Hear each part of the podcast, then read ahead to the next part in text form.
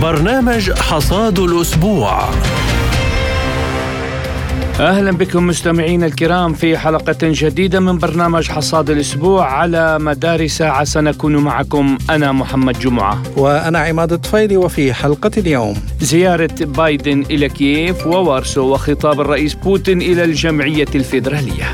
الرئيس الروسي يلتقي رئيس الدبلوماسية الصينية. الكونغرس الأمريكي يدعو الولايات المتحدة إلى سحب جميع قواتها من سوريا.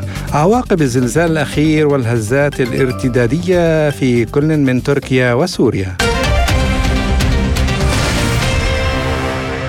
ونبدأ الحلقة بتهنئة الرئيس الروسي فلاديمير بوتين قدام المحاربين في الحرب الوطنية العظمى وجميع المشاركين في العملية العسكرية الروسية الخاصة في أوكرانيا بيوم حماة الوطن الذي يصادف اليوم عشية الذكرى السنوية الأولى للعملية العسكرية الروسية الخاصة في أوكرانيا. للإضاءة أكثر على هذا الموضوع نستضيف من موسكو الخبير في الشأن الروسي الدكتور فايز حواله. دكتور فايز أهلا ومرحبا بك في حلقة اليوم من البرنامج وأسألك يعني بعد مرور سنة على العملية العسكرية الروسية الخاصة في أوكرانيا ما الذي تحقق وما هي أبرز نتائج هذه العملية العسكرية لحد اليوم؟ بداية تحية لكم ولمستمعيكم ومتابعيكم الأكارم بكل تأكيد الأهداف التي وضعت منذ بداية العملية العسكرية الخاصة في أوكرانيا الروسية طبعا حققت بعض منجزاتها ولكن إلى هذه اللحظة لم تحقق كل الأهداف التي انطلقت من أجلها وهذا يعود طبعا بكل الأحوال إلى الطبيعة التي يمارسها الغرب من عملية إمداد دائم للقوات النازية الأوكرانية بالأسلحة ومختلف أنواع الأسلحة إضافة إلى العنصر البشري. وهنا أقصد المدربين الأجانب المقاتلين الأجانب وما إلى غير ذلك. لذلك العملية العسكرية الخاصة ما زالت مستمرة. ولكن إذا ما أخذنا بشكل عام ما هي النتائج التي تم تحقيقها إلى هذه اللحظة؟ ونحن على أبواب إغلاق باب عام من بداية هذه العملية العسكرية الخاصة. بكل تأكيد حققت الكثير. يعني إذا ما نظرنا إلى الخريطة الجغرافية للمناطق التي تم تحريرها من النازيين الجدد لنرى بأن هناك مساحات شاسعة وواسعة.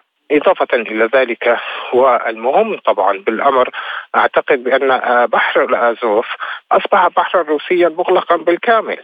وتعلمون جيدا ما لهذا البحر من أهمية والخيرات والثروات الموجودة به. طبعا هذه هذا البحر أصبح ليس فقط روسيا طبعا هو روسيا كان وسيبقى. أعتقد روسيا إلى أبد الآبدين. ولكن الجدير بالذكر هنا بأن هذا البحر يتبع لمناطق تاريخية روسية. لذلك أنا أعتقد وأؤمن وأؤكد لكم بأن العملية العسكرية الخاصة حققت الكثير من أهدافها. إضافة إلى ذلك وامر مهم أيضا للغاية وهو أن الغرب عندما بدأ بدعم النازيين جدد بعد انقلاب عام 2014 الدموي ومحا... والإبادة الجماعية التي مارسها في منطقة الدنباس ضد المدنيين من أصول روسية طبعا نجد أن الغرب أراد وخاصة من خلال اتفاقيات أو مينسك واحد ومينسك اثنين أن يدعم الجيش الأوكراني ويحضره لهذه الحرب الطويلة الأمد. بمعنى آخر أن الغرب أراد أن يجعل من أوكرانيا كلها مجتمعة كمستنقعا للقوات الروسية ولكن اتضح وبحكمة القيادة العسكرية الروسية طبعا والسياسة الروس بأن أوكرانيا أصبحت مستنقعا للغرب كاملا. وهذا إن دل على شيء يدل أو يؤشر مؤشرات ذلك تأتي من خلال الانقسامات الشاقولية والعمودية سواء كان بين دول الناتو المنخرطة أصبحت بشكل مباشر وإن كانت لم تعلن عن ذلك وإضافة إلى باقي الدول التي تدعم القوات النازية وهي من خارج حلف الناتو. وبالتالي نجد بأن العملية العسكرية الخاصة استطاعت أن تجر الغرب مجتمعا سواء كان من الناتو أو من خارج الناتو إلى مستنقع أوكرانيا. وخير دليل على ذلك طبعا هو الكميات الضخمة من الأسلحة والأموال التي تم إنفاقها من أجل إضعاف وابتزاز روسيا في أوكرانيا. نجد بأن الغرب ابتز نفسه والغرب أطلق الرصاص بما معناه على قدميه وصدره ورأسه وما بينهم، لذلك هذه أيضا كنتيجة جيدة ومباشرة لهذه العملية العسكرية الخاصة التي نحن على أبواب إغلاق عامها الأول.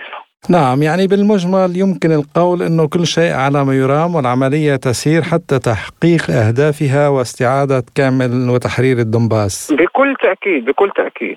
الخبير في الشأن الروسي الدكتور فايز حوالة كنت معنا من موسكو شكرا جزيلا لك دكتور فايز. أهلا وسهلا بكم. نذكركم مستمعينا الكرام بأننا سنتناول هذا الموضوع بالتفصيل في حلقة الغد من برنامج شؤون عسكرية مع الزميلة شيماء ثامر. وفيما يخص أبرز أحداث الأسبوع البارزة هي زيارة الرئيس الأمريكي جو بايدن غير المعلنة إلى كييف منذ عدة أيام التقى فيها الرئيس الأوكراني فلاديمير زيلينسكي في العاصمة الأوكرانية في أول زيارة له إلى أوكرانيا ناقشا دعم واشنطن والتزامها بضمان سيادة ووحدة أراضي أوكرانيا. وللتعليق على زيارة الرئيس الأمريكي إلى كييف يقول الخبير في الشأن الروسي الدكتور فايز حوالة في حديث لبرنامجنا عن أهداف زيارة بايدن إلى أوكرانيا؟ طبعا بكل تأكيد تأتي هذه الزيارة على الرغم من أنه غير معلن عنها وغير مؤكدة كانت في حقيقة الأمر ولكن الزيارة كانت معتمدة إلى بولندا التي سيتم من خلالها آه، لقاء الرئيس بايدن مع حلفائه من الناتو ومن الضروري كان أو من المفروض أن يأتي الرئيس الأوكراني زيلينسكي إلى بولندا للاجتماع بكل المستمعين. إلا أن الزياره التي قام بها والتي تعتبر في حقيقة الأمر وصوله إلى آه، كييف على متن القطار آه، وليس طائرة فهذا أمر طبعا آه، ربما ربما يكون لدواعي أمنية أو رغبة الرئيس بايدن التي كانت جامحة في الماضي القريب من زيارة أوكرانيا ولكن تم تأجيلها أو إلغائها لأسباب أمنية كما وصفوها في الولايات المتحدة الأمريكية. أي أنه كان في تلك الفترة يعتقدون بأن مدينة كييف هي مدينة خطرة لزيارة الرئيس بايدن. ولكن هذه الزيارة اذا تأتي من وجهة نظري الخاصة هي انعكاس مباشر للخسائر التي تكبدتها القوات النازية الأوكرانية وخاصة التقدم الكبير الذي أحرزه الجيش الروسي في منطقة أرتومسك أو بخموت بالأوكراني. هذا الأمر يأتي إذا ضمن عملية تسويق دعاية لما يعني بأن القوات الأوكرانية ما زالت صامدة. وأنه على الدول الأجنبية أو الغربية أو المتحالفة مع الولايات المتحدة الأمريكية الاستمرار في ضخ الاسلحه وتزويد آه، أوكرانيا بكل ما لديهم من إمكانيات وأسلحة بمختلف أنواعها من أجل الاستمرار كما اسموه هم الصمود الباهر للقوات الأوكرانية وتحرير الأراضي ونشر الديمقراطية كالعادة. هذا الأمر طبعا آه، ما آه، يثير حفيظه أيضا هنا أن الرئيس بايدن أعلن عن تقديم حزمة جديدة من المساعدات والمقدره ب 50 مليون دولار. هذا الأمر لكي يشجع باقي آه، دول المتحالفة معه من دول الناتو لتقديم المزيد من الأسلحة على الرغم من أننا نلاحظ بأن هناك انشقاقا عموديا وافقيا وخاصة في موضوع تزويد أوكرانيا بالأسلحة من أجل الاستمرار في مواجهة الجيش الروسي. وعن سؤال فيما إذا كانت هذه الزيارة تدخل في إطار الاستفزاز لروسيا خاصة قبيل الذكرى الأولى للعملية العسكرية الروسية في أوكرانيا. استفزازيه هم لا أعتقد بأنها استفزازية على الإطلاق وإنما يمكن أن نقول بأنها تدخل في إطار التحدي بانه لا زالت هناك دولة أوكرانية ولا زال الجيش الأوكراني يحقق انتصاراته كما يدعون وما إلى غير ذلك ولكن الأمر هو أكبر بكثير على أن الرئيس بايدن يثبت لحلفائه بأن آه، أوكرانيا ما زالت طامنة أوكرانيا تحقق نجاحات وتحقق تقدمات مع العلم أن الأمر وخاصة فيما يخص منطقة آه، أرتوموسك أعتقد بأنها أصبحت مطوقة بالكامل من قبل الجيش الروسي ومسألة تحريرها من النازيين أصبحت آه، مسألة ساعات ربما أو على أبعد تحديد أو أبعد تقدير هو أيام قليلة لا أكثر ولا أقل ولكن يريد الرئيس بايدن توريط أكثر فأكثر دول حلفائه من دول الناتو في هذه الحرب التي ربما نلاحظ بأن هناك تحولات بالمناسبة جوهرية في هذا المجال. وهو إمكانية خروج آه، نطاق هذه العملية العسكرية الخاصة خارج الحدود الجغرافية لأوكرانيا من جهة ومن جهة أخرى. أعتقد بأنها سوف تنطلق إلى الفضاء الخارجي وخاصة بما يسمى بحرب الأقمار الصناعية. وفيما إذا كانت هذه الزيارة ستزيد من تصعيد الوضع العسكري خاصة أن إدارة بايدن قد طلبت من زيلينسكي بتكثيف تحركات القوات الأوكرانية في ساحة المعركة. يقول حوالة أنا أعتقد بأن الرئيس بايدن هنا يحاول تطبيق وجهة نظرهم بأنه سوف يحاربون روسيا حتى آخر جندي آه، أوكراني. لذلك هم يعلمون تماما بأن جميع تحركاتهم في مختلف الجبهات لن تفيدهم أي شيء.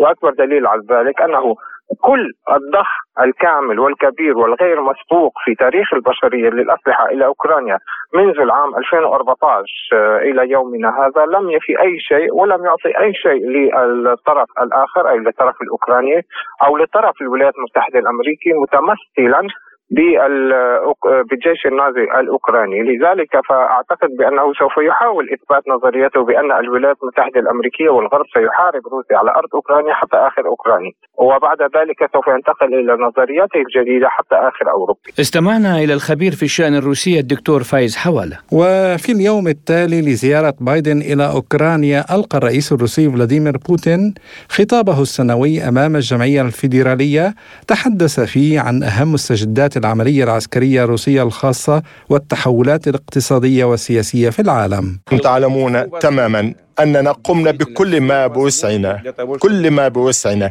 لحل هذه المسألة بالأساليب السلمية. وأجرينا المحادثات للخروج من هذه الأزمة الصعبة. وكان هناك عدة سيناريوهات ووعود ممثلي الغرب و تأكيداتهم بأن السلام سيعم في الدنباس ثبت أنها خداع وكانوا يماطلون في الوقت ويغلقون أعينهم عن القتل للسياسيين والقمع. والتنكيل حتى بالمؤمنين. وأيضا دعم الإرهابيين بالأعمال الإرهابية في الدنباس وأضاف بوتين حينما كانت روسيا صادقة بشأن اتفاقيات مينسك كان الغرب يقوم بما أسماه مسرحية دبلوماسية في إشارة لاتفاقيات مينسك وكانوا يستخدمون أسلوب ازدواجية المعايير في التعامل مع بعض الدول كسوريا ويوغوسلافيا. هذا الأسلوب للخداع كان قد استخدم في السابق وكانوا قد استخدموا ازدواجية المعايير أيضا حين دمروا يوغوسلافيا والعراق وليبيا وسوريا ولكنهم لن يستطيعوا أن يغسلوا هذا العار عنهم. والثقة ليست بالنسبة لهم شيئا وهم كانوا دائما يعملون على أساليب الهيمنة ويستخدمون كل ما لديهم من إمكانيات وحتى ينظرون بنفس الطريقة إلى شعوبهم وهم يخدعون حتى شعوبهم في أنهم يبحثون عن السلام ومخالفا للقرارات في مجلس الأمن تجاه الدنباس بينما كان الخداع في كل مكان. إليكم ما يقوله بهذا الخصوص الخبير في الشأن الروسي الدكتور مسلم شعيتو في سياق تحليله لخطاب الرئيس بوتين. كانت آه، كان الخطاب آه، منقسم إلى قسمين الرساله إلى الخارج وخاصة الناتو الولايات المتحدة وما يقومون به في أوكرانيا وللداخل. آه، خطاب 100 ساعة و50 دقيقة كانت هناك 40 دقيقة فقط أو 35 دقيقة للخارج والباقي للداخل الروسي. للخارج كان واضحا جدا وحاسما أننا نحن سنخرج من هذه الاتفاقية اتفاقية الحد من الأسلحة الاستراتيجيه لأنهم سيستعملونها ضد روسيا في ظروف يحاولون جاهدين للكذب ولتدمير ووضع أمام أعينهم هدف واحد هو تدمير الاقتصاد الروسي والمجتمع الروسي وتدخل في شؤونه الداخلية. وقال أنهم يعرفون روسيا لا تخسر وحدد أن مسألة الصراع معهم هو صراع ليس عسكري وصراع حضاري عن ما يقومون به من تشويه للقيم والتقاليد والعائلة. وتحدث أننا سندافع عن الأطفال في بلاد أولادنا والعائلة هي هي عقد ما بين امرأة ورجل. ومن ثم فند ما قاموا به في البشرية 900 ألف شخص يعني ما يقارب مليون شخص تم يعني إبادتهم في 30 دولة من خلال التدخلات الخارجية التي قامت بها الولايات المتحدة وحلف الناتو. وتحدث أنهم صرفوا 150 مليار دولار مساعدات لأوكرانيا عسكرية ولم يصرفوا إلا 60 مليار دولار لمساعدات الدول الفقيرة التي هم افكروها آه، وأيضا تحدث عن الانقلاب الدموي في أوكرانيا وشرعوا النازية وآخرها كانت منظمة ادلفيز المشهورة في الحرب العالمية الثانية. وفيما يخص إشارة بوتين إلى نفاق الغرب وتعامله بازدواجية المعايير مع بعض الدول قال أننا سنجهز كل القوات المسلحة بتقنيات حديثة، أعطى مثل القوة النووية وهو هذا المثل فقط مرسل إلى الغرب أنكم لا تستطيعون مواجهة روسيا لأنها وصلت إلى مستوى عالي جدا باستعدادها في الحرب الاستراتيجية، وقال أنه في الحرب التقليدية التي ستجري في أوكرانيا لن تربحوا وروسيا لن تخسر ابدا، روسيا دائما ستربح، لكن هذه الرسالة بالنسبة للأسلحة النووية من أجل أن يقلل حدة انفعالاتهم وحماسهم وشعاراتهم التي يستعملون انطلاقا من المؤتمر الأخير وصولا إلى كل خطاباتهم يعني آه، شولتس وماكرون وبيربوك وفاندر لاين وما إلى ذلك ستولنبرغ. كلهم آه، يبدو أنهم شربوا حليب السباع كما يقول في آه، الأمثلة الشرقية. وأتوا إلى مؤتمر ميونخ في حلبة الخطابية ضد روسيا.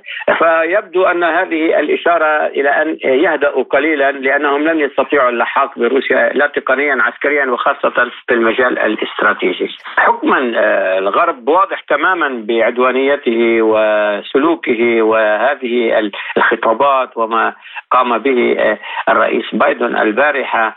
ودخل إلى الكنيسة التي انفصلت عن الكنيسة الأرثوذكسية، اذا هم يسعون بكل أشكال الصراع مع روسيا الحضاري والعسكري والاقتصادي والسياسي والمالي للضغط. استمعنا إلى الخبير بالشأن الروسي الدكتور مسلم شعيتو.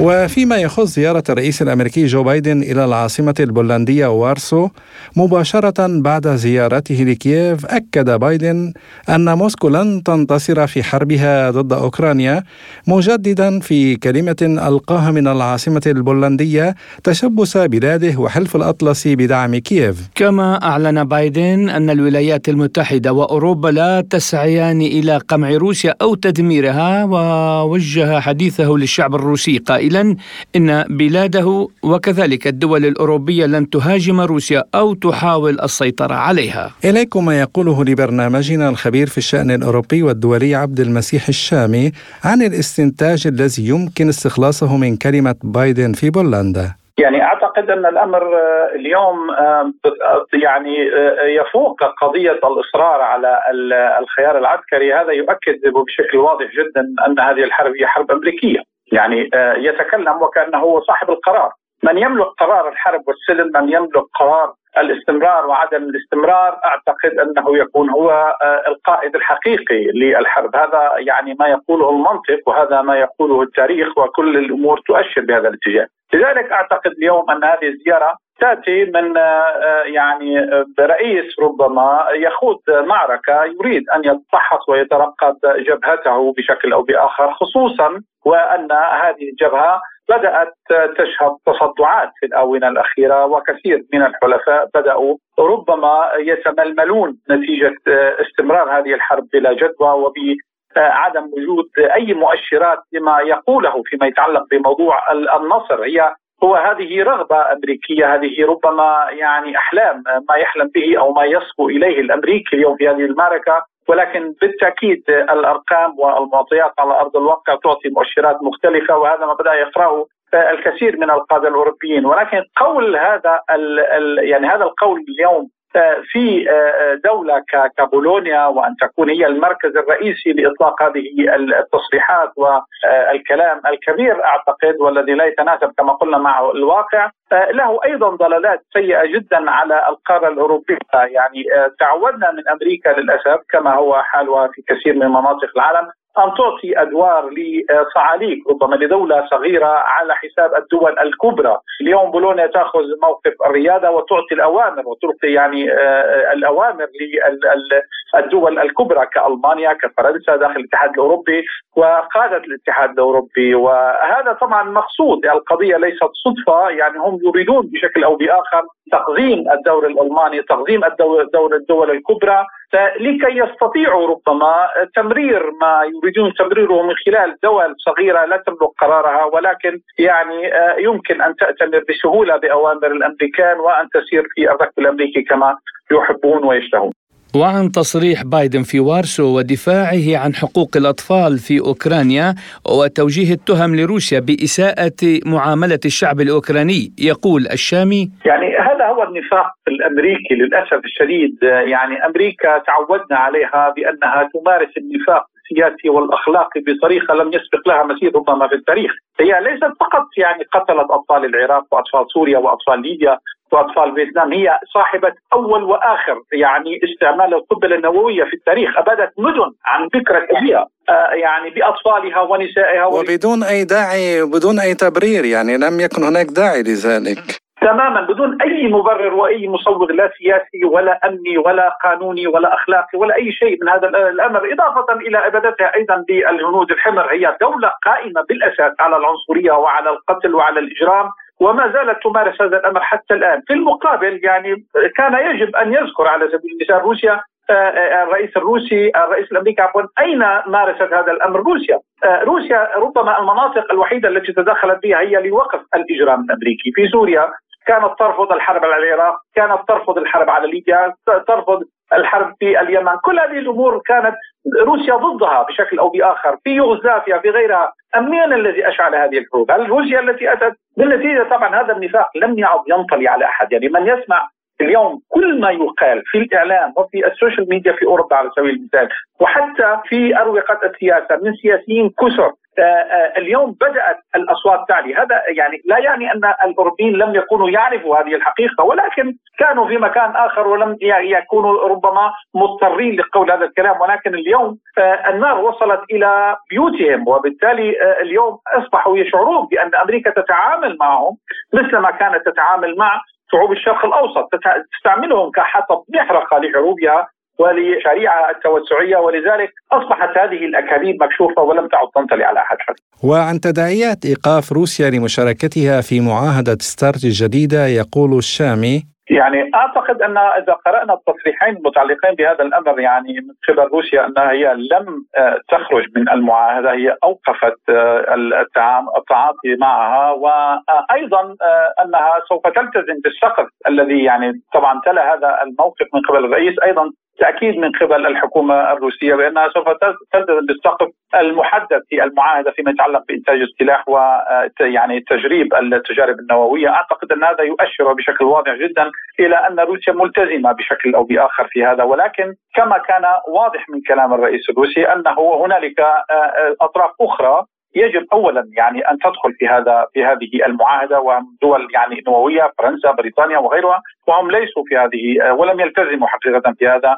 الالتزام. وأيضا قال شيء مهم ربما لم يسلط الضوء عليه كثيرا في هذا السياق أن أمريكا يعني هنالك معلومات في روسيا أن أمريكا سوف يكون لها تجارب نووية قريبة هي تخطط وترتب لتجارب هي لم تلتزم حقيقه في هذه المعاهدة. وبالتالي آه، الالتزام فقط من طرف واحد ومجيء أمريكا للعب ما زالت يعني تصر على لعب دور السيد وشرطي العالم وأنها تريد أن تفتش اليوم المواقع النووية الروسية. أعتقد أنه أصبح أمر مستفز وساذج وحتى يدعو للسخريه في ظل ما يجري اليوم.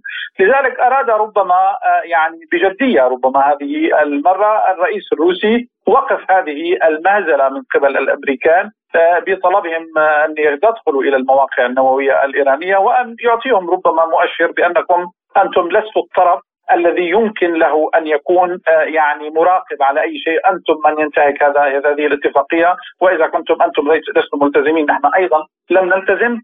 بها ك آه، يعني آه، دعنا نقول من حيث المبدأ كظاهرة نظرية ولكن من حيث البعد العملي نحن لن نتجاوز أي شرط مشروط عدم التصعيد أو انتشار الأسلحة النووية. استمعنا إلى الخبير في الشأن الدولي والأوروبي عبد المسيح الشامي.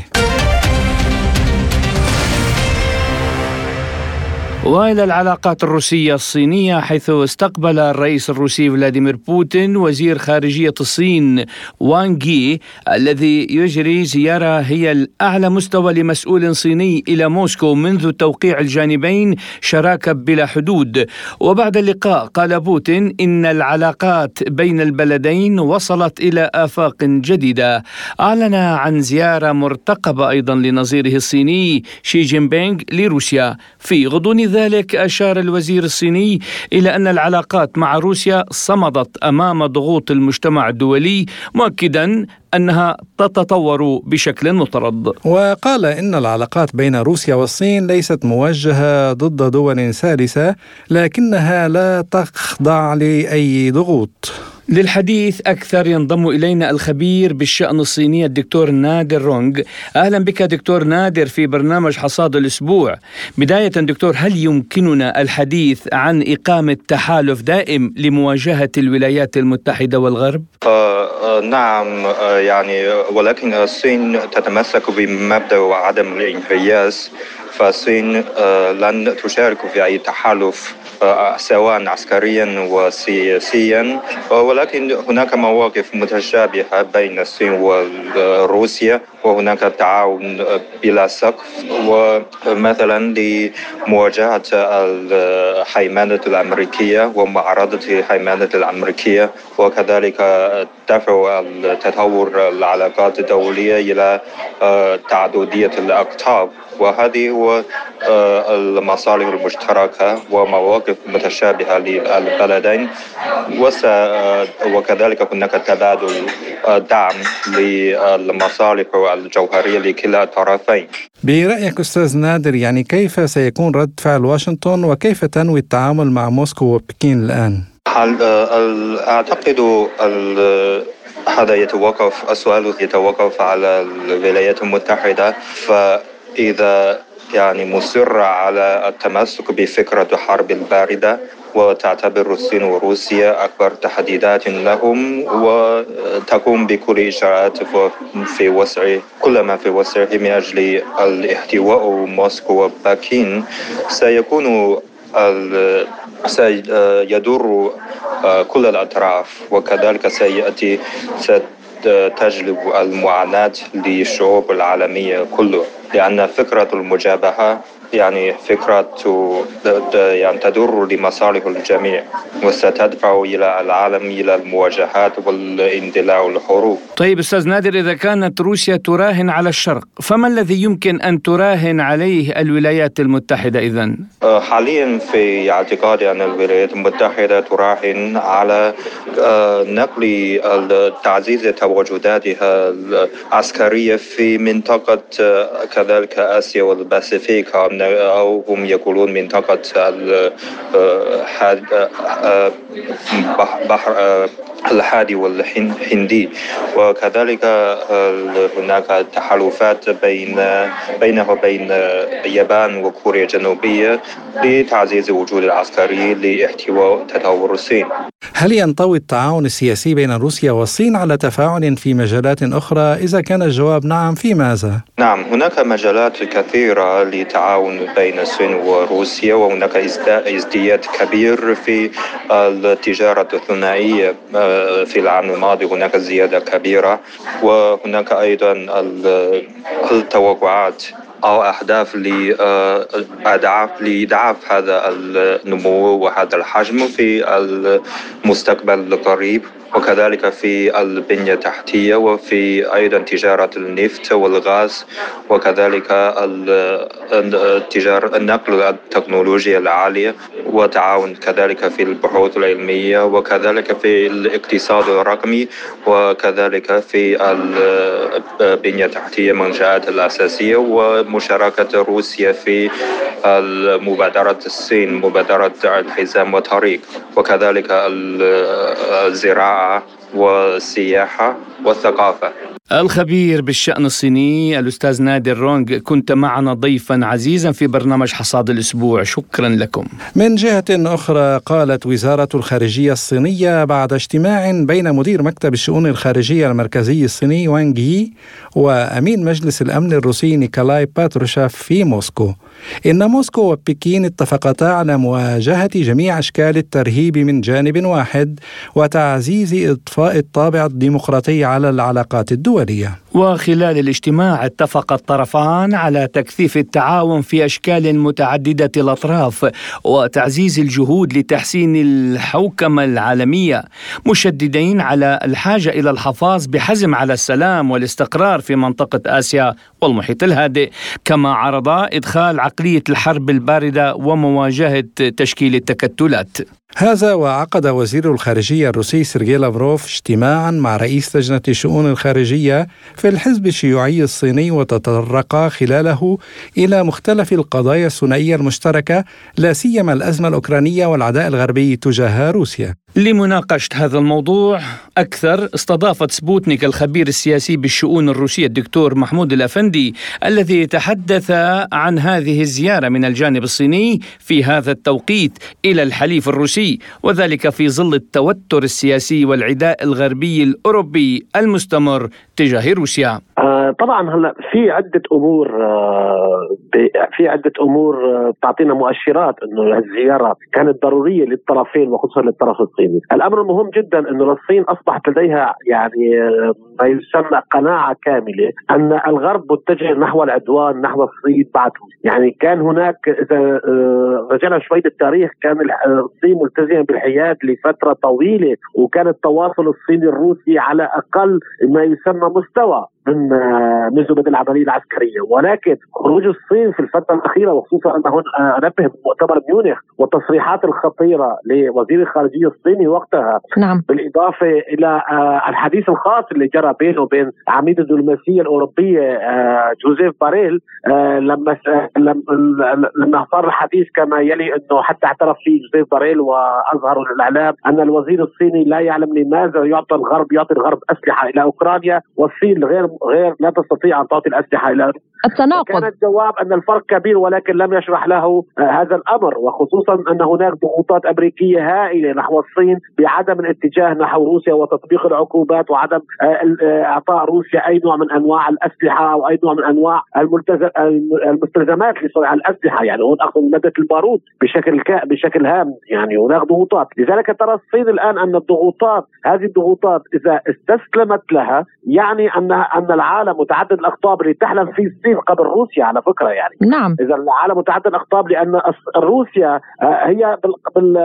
يعني كان في نوع من نوع الاستسلام في فترة التسعينات ولكن الصين الآن بقوتها الاقتصادية تريد أن تصبح قطب عالمي ولكن إذا استسلمت روسيا أو استطاعت الولايات المتحده الأمريكية أن توقف روسيا توقف روسيا عن ما تسمى حدها هذا يعني فعليا أن الصين ستكون آه، القادمة يعني لا ننسى أن الصين لديها جزيرة تايوان التي تسيطر عليها الولايات المتحده الامريكيه وعلى سياستها وهي قبل موقوته على حدودها. الخروج برأيي الفترة هذه الفترة ان الصين غيرت سياستها الآن واتجهت اتجاه كامل نحو روسيا. هي يعني خروج عن الصمت أنا كان روسيا كانت عفوا الصين صامتة. أنا باليومين الأخيرين بلشت الصين آه، تخرج والتصريحات خطيرة وخصوصا تصريحات البارحه المسؤول أو آه، السفير الصيني في الأمم المتحدة في مجلس الأمن لما هاجم الولايات المتحدة الأمريكية واتهمها بتفجير غاز السير الشمالي آه، واحد واثنين في المياه الإقليمية الدنماركية والسويدية، يعني كل هذا الكلام بيعطينا انطباع أن الصين اتخذت قرارها بشكل نهائي اتجاه نحو عالم متعدد الأقطاب. وليس لديها أي يعني خيار إلا أن روسيا تحقق أهدافها في العملية العسكرية، إذا حققت أهدافها العالم سيتحول إلى متعدد الأقطاب، وعلى فكرة هذا الكلام أنا سمعته من حوالي خمس دقائق باللقاء مع وزير الخارجية الروسي. استمعنا إلى الخبير السياسي بالشؤون الروسية الدكتور محمود الأفندي. قدم النائب الجمهوري مات جيتس إلى مجلس النواب الأمريكي مشروع قرار يلزم الرئيس الأمريكي جو بايدن بسحب القوات من سوريا. ويشير مشروع القرار إلى أن عدد القوات الأمريكية على أراضي سوريا يبلغ 900 شخص على الرغم من عدم موافقة الكونغرس على ذلك. وقال النائب في بيان له إنه حتى اليوم لم يوافق الكونغرس بأي شكل من الأشكال على تواجد القوات المسلحة الأمريكية في سوريا. أشار جيتس إلى أنه على مجلس النواب أن يطرح مشروع القرار على التصويت في غضون 18 يوما من تاريخ تقديمه لكونه يتعلق بقضايا الحرب والسلام. وللتعليق على هذا الموضوع إليكم ما يقوله لبرنامجنا الخبير العسكري والاستراتيجي الدكتور كمال جفا عن دلالة إثارة هذا الموضوع في هذا التوقيت.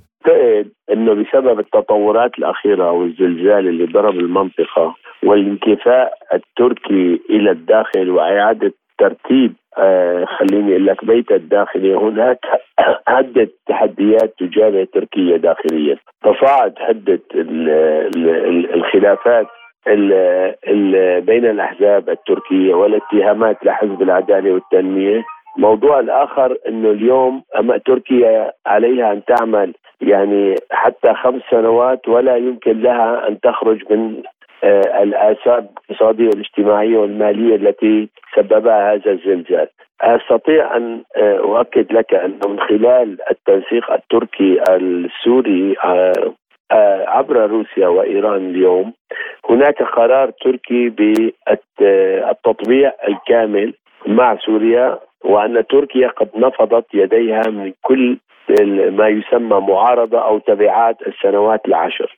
آه، وبالتالي آه، أيضا إذا نظرنا إلى ما حدث بين سوريا والعراق وكسر الحصار الذي قام به الحشد الشعبي وعلى مدار الساعة والتصريحات لعالية المستوى حتى والاستقبال الشعبي الذي يعني لاقاه الحشد الشعبي في سوريا وأن هناك قرارا عبر المحور بعدم العودة إلى ما قبل الزلزال بفتح الحدود على بالكامل بين البلدين آه، ربما نحن أمام معادلة جديدة. كسر الحصار المفروض على سوريا من قبل العراق وتمرد حتى بعض القيادات العراقية اللي محسوبة على على الولايات المتحدة وأيضا الدور القوي يعني الذي سيلعبه التقارب التركي فيما يتعلق بإجهاض مشروع قسد فيما لو حللنا بالميدان آه، آه، كسر الحصار من طرف الأخوة العراقيين مزيد من المساعدات العربية و إعادة وصل الجسور ما بين عدد من الدول العربية وحتى بدأت بعد الدول الأوروبية وحتى لو تحت شعار إنساني. إنهاء الخلافات السورية التركية تدريجيا. إذا آه، الغاية من الوجود الأمريكي في سوريا آه، آه، أعتقد أنه فقط للضغط على الدولة السورية أو لمحاولة التقسيم أو لمحاولة اقتطاع جزء أو لمحاولة استنزاف طويل الامد. وعن سؤال حول كيف يعيش السوريون في ظروف الوجود العسكري الأمريكي في البلاد وهل يقدم أي فائدة للشعب السوري يقول جفا؟ لا على الإطلاق هو يدمر الشعب السوري يفقر الشعب السوري يحاصر الشعب السوري يزيد في حالة اليأس والبؤس يمنع المواد الغذائية يزيد الحصار يؤدي إلى انخفاض العملة السورية بسبب عدم الاستحواذ على الثروات الباطنية. خزان سلة الغذاء المتواجدة في شمال شرق سوريا هو تقوم به تركيا عفوا تقوم به قسد بناء على توجيهات أمريكية، فيما لو سقط المشروع الأمريكي الذي يرتكز على عنوانين أساسيين، عنوان الأول هو التحالف الدولي آه، آه، ما يسمى لمحاربه داعش وهي كذبة كبرى. لأن لاحظنا أن الهجمات التي قامت بها داعش انطلاقا حتى من مناطق نفوذ إن كان قسد أو من قاعدة تم وبالتالي الوجود الأمريكي هو الذي دمر الشعب والاقتصاد والدولة السورية أنا أقول لك التغير الاستراتيجي بالمنطقة وربما يعني الكسر الحصار مع العراق وربما الدول الأوروبية. وحتما ومن المؤكد أن التقارب مع تركيا هو أول آه، يعني أول مسمار في نعش آه، ما يسمى قسد لأن هناك اتفاق رباعي بين سوريا والعراق وهما مشتركين فيما وتركيا وإيران فيما يتعلق بإقامة المشروع الأمريكي في شمال شرق سوريا، إذا عملية إجهاض المشروع إذا لم يعد هناك مبرر لاستمرار الوجود الأمريكي. وأنا أقول قد وربما وهذا تحليل وليس معلومة أن زيارة السيد الرئيس إلى سلطنة عمان ربما حملت رسالة أو خطوط اتفاق ما ما بين سوريا والولايات المتحدة الأمريكية عبر سلطنة عمان ربما وهذا تحليل وحول إمكانية واحتمال موافقة الكونغرس على هذا القرار يقول جفا. أعتقد صحيح صحيح كلامك. هذا ربما يعني آه، تساؤل في محله. أنا آه، قلت لك في النهاية أنه ربما هناك رسائل إيجابية حملتها سلطنه عمان أثناء زيارة الرئيس الأسد. والشكل البروتوكولي والزيارة الرسمية الأولى منذ العام 2010 والاستقبال الحافل وأنت تعرف حجم التنسيق أو العلاقة أو الدور العماني في بعض الملفات الدولية وخاصة فيما يتعلق مع سوريا وسابقا أثناء آه، يعني التقارب أو قبل اجتماع وزيري خارجية سوريا وتركيا والذي كان مقرر منتصف الشهر الحالي الذي مضى الأيام التي مضت.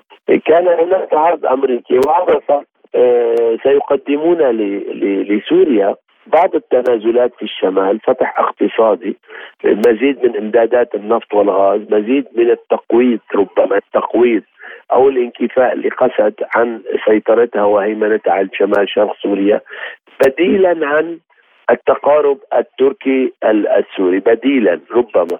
وأعتقد أن ربما لكن القيادة السورية وأنا أعرف أنه لا يمكن الوثوق بالأمريكي على الإطلاق باي شكل من الاشكال هكذا علمنا التاريخ. لذلك ربما أن يكون هناك هذا المشروع أو التقدم بهذا المشروع خطوة إيجابية تقدم عليها الإدارة الأمريكية ولا يمكن حتى للكونغرس أن يقوم بهذا العمل إلا بالتنسيق بين دوائر صنع القرار الأمريكي والدولة العميقة في الولايات المتحدة الأمريكية. لا, يم... لا ليس هذا العرض من فراغ وربما أن المدة الزمنية القصيرة التي تم تحديد فترة مناقشة هذا القرار يوحي بأن هناك تم الاتفاق تحت الطاولة بين دوائر صنع القرار الأمريكي بتمرير هذا القرار. استمعنا إلى الخبير العسكري الاستراتيجي الدكتور كمال جفا.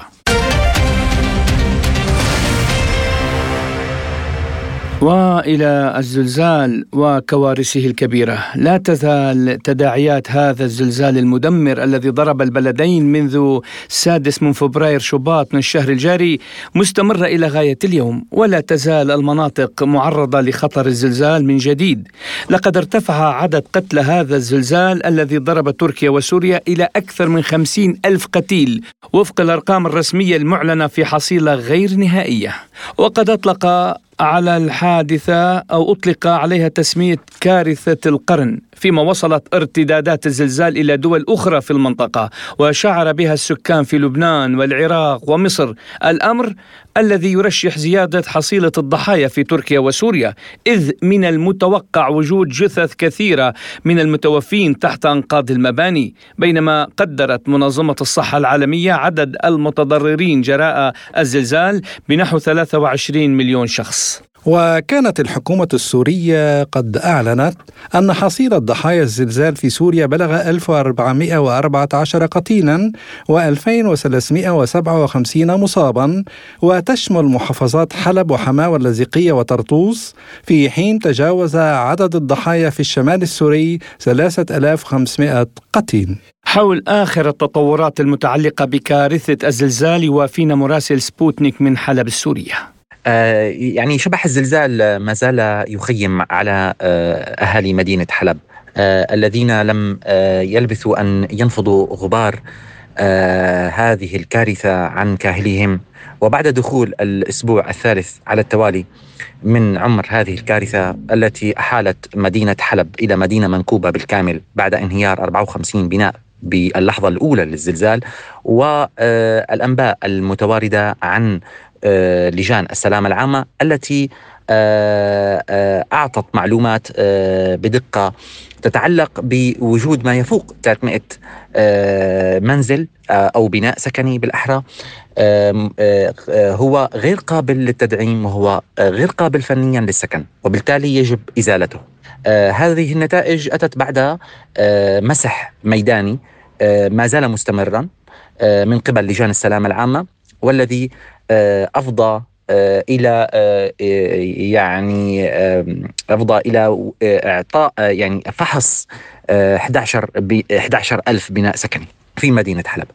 طبعا يبدو أن ال ال يعني من يومين حينما هزت مدينة حلب يعني هزة أرضية ارتدادية تفوق درجتها ست درجات أعادت لذاكرة السكان المحليين مدى فداحة والخوف من من الهزات الأرضية ومن الزلزال. وبالتالي قد قضى آه، يعني آه، الأهالي آه، وإلى اليوم على التوالي يعني نلاحظ عائلات موجودة منتشرة في الحدائق في الساحات هم من المتضررين الذين لا يعني الذين لا يعني بالتالي لا يستطيعون اللجوء إلى أماكن سكنهم وبالتالي آه، لا يذهبون إلى مراكز الإيواء. آه، يرغبون ببعض الاستقلالية آه، يعني إلى حد ما.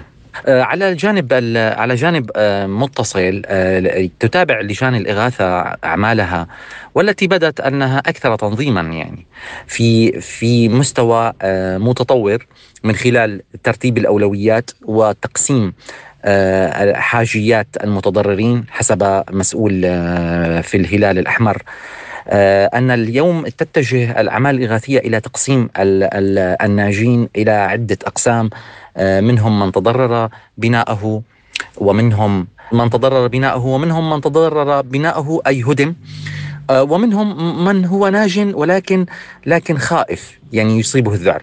لذلك ستقسم الموضوع الإغاثي على هذه الشرائح.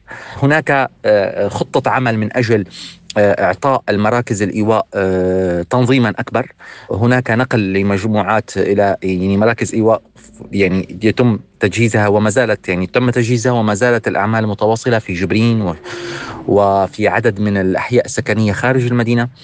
آه، آه، الدوام المدرسي عاد أستأنف الحياة الطبيعية يعني عادت إلى حد ما. فيما عبر أهالي حلب عن قلقهم ووضعهم المزري من جراء هذا الزلزال الكارثي لسبوتنيك. بس بتحكي لنا هيك لحظة الزلزال مثلا. احكي لك احكي لك على العالم اللي ماتوا على العالم اللي خرب بيوتهم على العالم بيطلعوا ياخذوا أجارات أجارات 4 ملايين. عايش. على النقلية بغاليون ونص على السوزوكيات الغالية اللي العالم كلها ما بقى ترحم بعض. عايز احكي لك طيب من ضمن المحيط اللي أنت قاعدة فيه صار في شي ضحايا لا سمح الله؟ طبعا صار لك بالمنزل اللي انت مقيمة فيه. جنبي لا في صار في شيء ضرر انت بمنزلك؟ أكيد صار ضرر لكن في حدا ما صار ضرر فيه. أيوه. طيب المحيط اللي انت فيه حاليا قديش الضحايا اللي كانوا هنيك؟ ممكن لنا هيك تعطينا؟ أكيد بحسب لك إياهم. في طفلة عمرها ست سنوات. م. وفي اختها للطفله عمرها شي 16 سنة. م. وفي جيراننا بيت اللهم صل على النبي عاصي هو وزوجته. وفي بيت السمان هو زوجته هلا أنا عم بلاحظ إنه هون في أساس منزل. أكيد نحن عم نطلع من بيوتنا لأنه ديانات كلها بقطر وحارتنا كلها بقطر أيوه. يعني وين حضرتك هلا حاليا بدك توجهي؟ يعني في شيء مكان معين بدك توجهي له؟ لا أنا بركي عند جارتي بغرفة عيطتني أيوه. حاليا. لأنه ما ما ما في خرج نطلع بإيجارات غالية ما خرج. ما عندنا إمكانيات ولا في معنا شيء الحمد لله فضل الله. طيب. هذا نصيبنا كله الحمد لله. شكرا لحضرتك والحمد لله على السلامة. الله يسلمك. ومن اللاذقية وأفتنا مراسله سبوتنيك بالتقرير التالي. بالرغم من أن الهزات الأرضية التي شعر بها أهالي اللاذقية يوم أمس خفيفة جدا آه، حيث سجل المركز الوطني للزلازل 68 هزة ضعيفة جميعها أقل من أربع درجات. وطمأن بأن الوضع العام الحالي هو حدوث متباعد للهزات المتوسطة مع استمرار لتسجيل الهزات الخفيفة إلا أن الأهالي لا يزالوا خائفين من حدوث هزات بشدة أقوى خاصة بعد الهزة القوية التي حدثت مساء الاثنين الماضي والتي دفعت عدد كبير من الأهالي إلى النزول من منازلهم وقضاء ليلتهم في العراء أو التوجه لمنازل أقارب لهم في الأرياف باعتبارها أكثر أمانا. في الحقيقة آه، مشهد رؤية الخيام في أماكن متفرقة من المحافظة سواء في المدن أو في الأرياف خاصة التي تأثرت بزلزال في ست شباط الجاري آه، بات غير مستهجن آه، على الإطلاق أمر عادي فقد باتت الخيام ملجأ الأهالي الذين يسكنون الأبنية الطابقية خوفا من البقاء في منازلهم خاصة في الليل تجنبا أيضا للبرد من النوم في الساحات والحدائق العامة حيث قام الأهالي بتجهيز الخيام بالمستلزمات الضرورية من طعام ماء فرشات بطانيات حتى هناك أهالي قد وضعوا آه، آه، مدافئ ضمن الخيام لتأمين الدفء لأطفالهم. آه، طبعا هؤلاء الأشخاص يستطيعون الذهاب إلى مراكز الإيواء التي تم تجهيزها من قبل المحافظة لكنهم يفضلون أن يبقوا في الخيام خاصة في الليل بالقرب من منازلهم ليعودوا مجددا إلى منازلهم في الصباح. بالتوازي مع هذا الأمر تواصل فرق الإغاثة في المحافظة وعلى رأسها الهلال الأحمر العربي السوري. السوري وفرق الأمانة السورية للتنمية الميدانية. إلى جانب أيضا منظمة أدرا التنموية ومؤسسة العرين الإنسانية. القيام بدورها في الاستجابة لكارثة الزلزال وتنظيم العمل وضمان تكامل أدوار الشركاء في خدمة المتضررين داخل وخارج مراكز الإيواء في اللاذقية. الهدف هو الوصول إلى جميع العائلات المنكوبة من الزلزال آه، والتي نزحت عن منازلها باتجاه قرى ومنازل أقارب لهم لضبط وتسجيل احتياجاتهم المتنوعة بالإضافة لمتطلباتهم الضرورية توثيق بياناتهم لتتم متابعتها بشكل دوري من قبل غرف آه، عمليات الإغاثة في المحافظة. أيضا آه، وضمن الاستجابة لمساعدة المتضررين من الزلزال والذين خسروا أوراقهم الثبوتية والشخصية داخل منازلهم التي تهدمت أعلن برنامج الاستجابة القانونية في الأمان السوري للتنمية عن فتح خطوط اتصال مباشرة لاستصدار أوراق ثبوتية جديدة مجانا للعائلات المنكوبة في الوقت الذي تواصل فيه لجان السلام العام المنتشرة في عموم المحافظة بالكشف على الأبنية المتصدعة وتقييم وضعها الفني وسلامتها الإنشائية وتقدير فيما إذا كانت هذه الأبنية بحاجة إلى عمليات ترميم تدعيم إذا كانت آه، آه، قادرة الأهالي العودة إليها أم لا بالتالي بالتوازي أيضا أعلنت مديرية التربية في اللاذقية مساء أمس تأجيل استئناف الدوام المدرسي آه، حتى الخامس من شهر آذار القادم وذلك حفاظا على سلامة آه، العملية التعليمية والتربوية لا سيما بعد الهزة الأرضية الأخيرة التي تأثرت بها المحافظة يوم الاثنين الماضي والتي أصابت الناس بالخوف ودفعتهم لعدم إرسال أبنائهم إلى المدارس خوفا على سلامتهم. ولقد وصلت تهديدات الزلزال إلى لبنان أيضا وقد ضربه الزلزال بهزات ارتدادية. من هناك وفان مراسلنا في بيروت عبد القادر الباي. إثر الهزة التي شعر بها سكان لبنان يوم أمس هرع المواطنون في مختلف المناطق اللبنانية إلى الشوارع والساحات خوفا من هزات ارتدادية. بعض المواطنين بات في العراء وبعضهم الآخر استقلوا سياراتهم مع عائلاتهم وتوقفوا في الشوارع بعيدا عن المباني السكنية. وأفاد المركز الوطني للجيوفيزياء التابع للمجلس الوطني للبحوث العلمية اللبنانية أنه قد سجل عند الساعة السابعة والدقيقة الرابعة بالتوقيت المحلي هزة أرضية بقوة 6.3 على مقياس ريختر. حدد موقعها على الساحل التركي على بعد 200 كيلومتر من شمال لبنان وقد شعر بها المواطنون.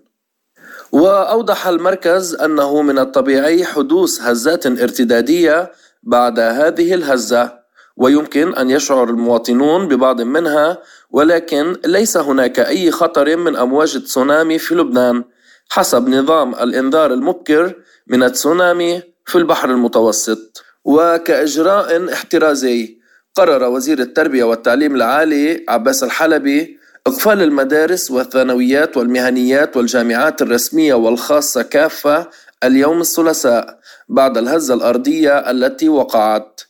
وأيضا كلف الحلبي المسؤولين عن إدارة كل المؤسسات الرسمية والخاصة الكشف الهندسي على مباني المؤسسات التعليمية كافة للتأكد من عدم حدوث تشققات أو أخطار على سلامة المباني.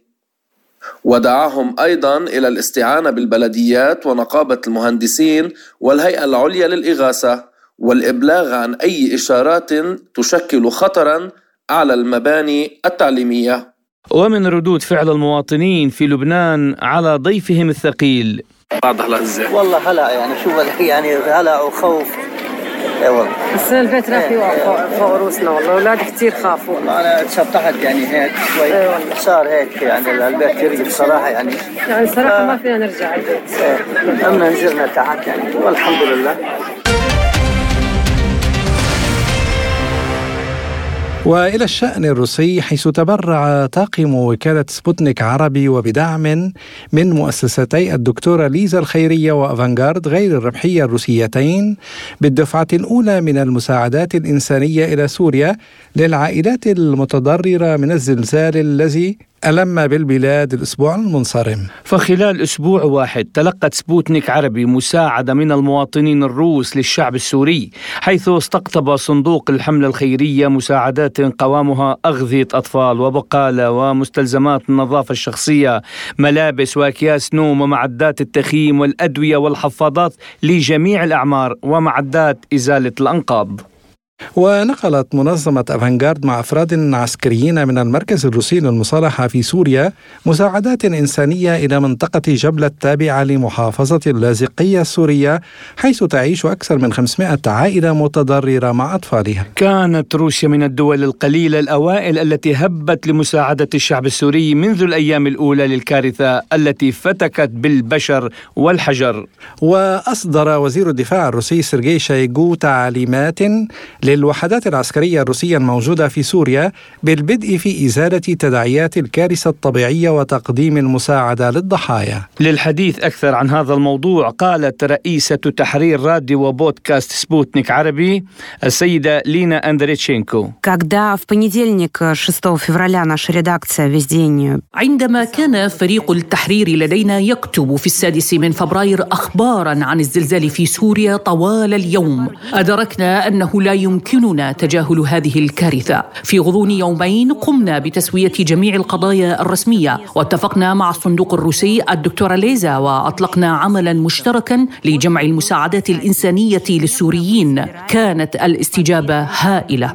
كل يوم نجمع اثنين إلى ثلاثة أطنان من المساعدات الإنسانية. جاء الناس العاديون إلينا وحملوا صناديق البقالة والملابس وأكياس النوم وحليب الأطفال وحفاضات الأطفال. بشكل عام كل ما يحتاج إليه. جاء إلينا العديد من المنظمات والتجار من الأسواق الروسية الكبيرة. وفي يوم واحد كان لدينا رقم قياسي عندما جمعنا أكثر من 4.5 أطنان لأن إحدى الأسواق أعطتنا أكثر من طنين من الملابس والأحذية والمنتجات الجديدة. كان نوع الاستجابة من الروس امرا لا يصدق. كان من الصعب كبح الدموع. عندما جاء الأطفال الروس وأفرغوا النقود من حصالاتهم أو سلموا رسوماتهم وألعابهم للأطفال السوريين.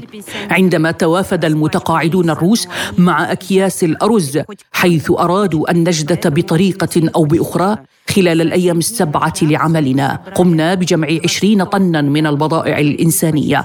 منها ما يقرب من سبعة أطنان عبارة عن أدوات لإزالة الأنقاض. وسلمناها إلى الهلال الأحمر السوري لقد انتهى الآن الجزء الأول من توزيع المساعدات الإنسانية في سوريا وسرعان ما ستبدأ حمولتنا في الانتقال إلى البلدات السورية مثل سطامو والرمل الجنوبي والهنادي وريف القدموس وفي القرى المحيطة باللاذقيه وجبله. نحن نأمل أن يتلقى السوريون المساعدة التي جمعها المواطنون العاديون وهم في أمس الحاجة إليها الآن. طبعا يعني محمد آه، بالدرجة الأولى تعود هذه الفكرة إلى الزميلة لينا كانداكجي أندرينشينكا كانداكجي هي التي طرحت هذه الفكرة وتم التعامل معها بسرعة. بالإضافة يعني طاقم سبوتنيك شارك في هذه الحملة. والشعب الروسي مشكور يعني قدم بكل آه، محبة وعطف للمساعدات للشعب السوري. نعم كانت هذه المساعدات واضحة تماما. كل الشكر والاحترام لروسيا وللشعب الروسي العظيم. للأسف الشديد في بداية الزلزال تسيس الزلزال وبقيوا ألوف العائلات والمواطنين تحت الأنقاض بدون مشاركة أي آه، تكنولوجيا كبيرة. حتى اختفت اختفى الأنين يعني. ولكن لا يسعنا إلا نقول كل الشكر لمن قدم أي مساعدة مادية أو معنوية. ونخص بالشكر الشعب الروسي العظيم وروسيا. وإلى هنا تنتهي حلقة اليوم من برنامج حصاد الأسبوع. كنا معكم فيها أنا عماد طفيني. وأنا محمد جمعة وللمزيد يمكنكم متابعة موقعنا الإلكتروني. وشكرا لإصغائكم وإلى اللقاء.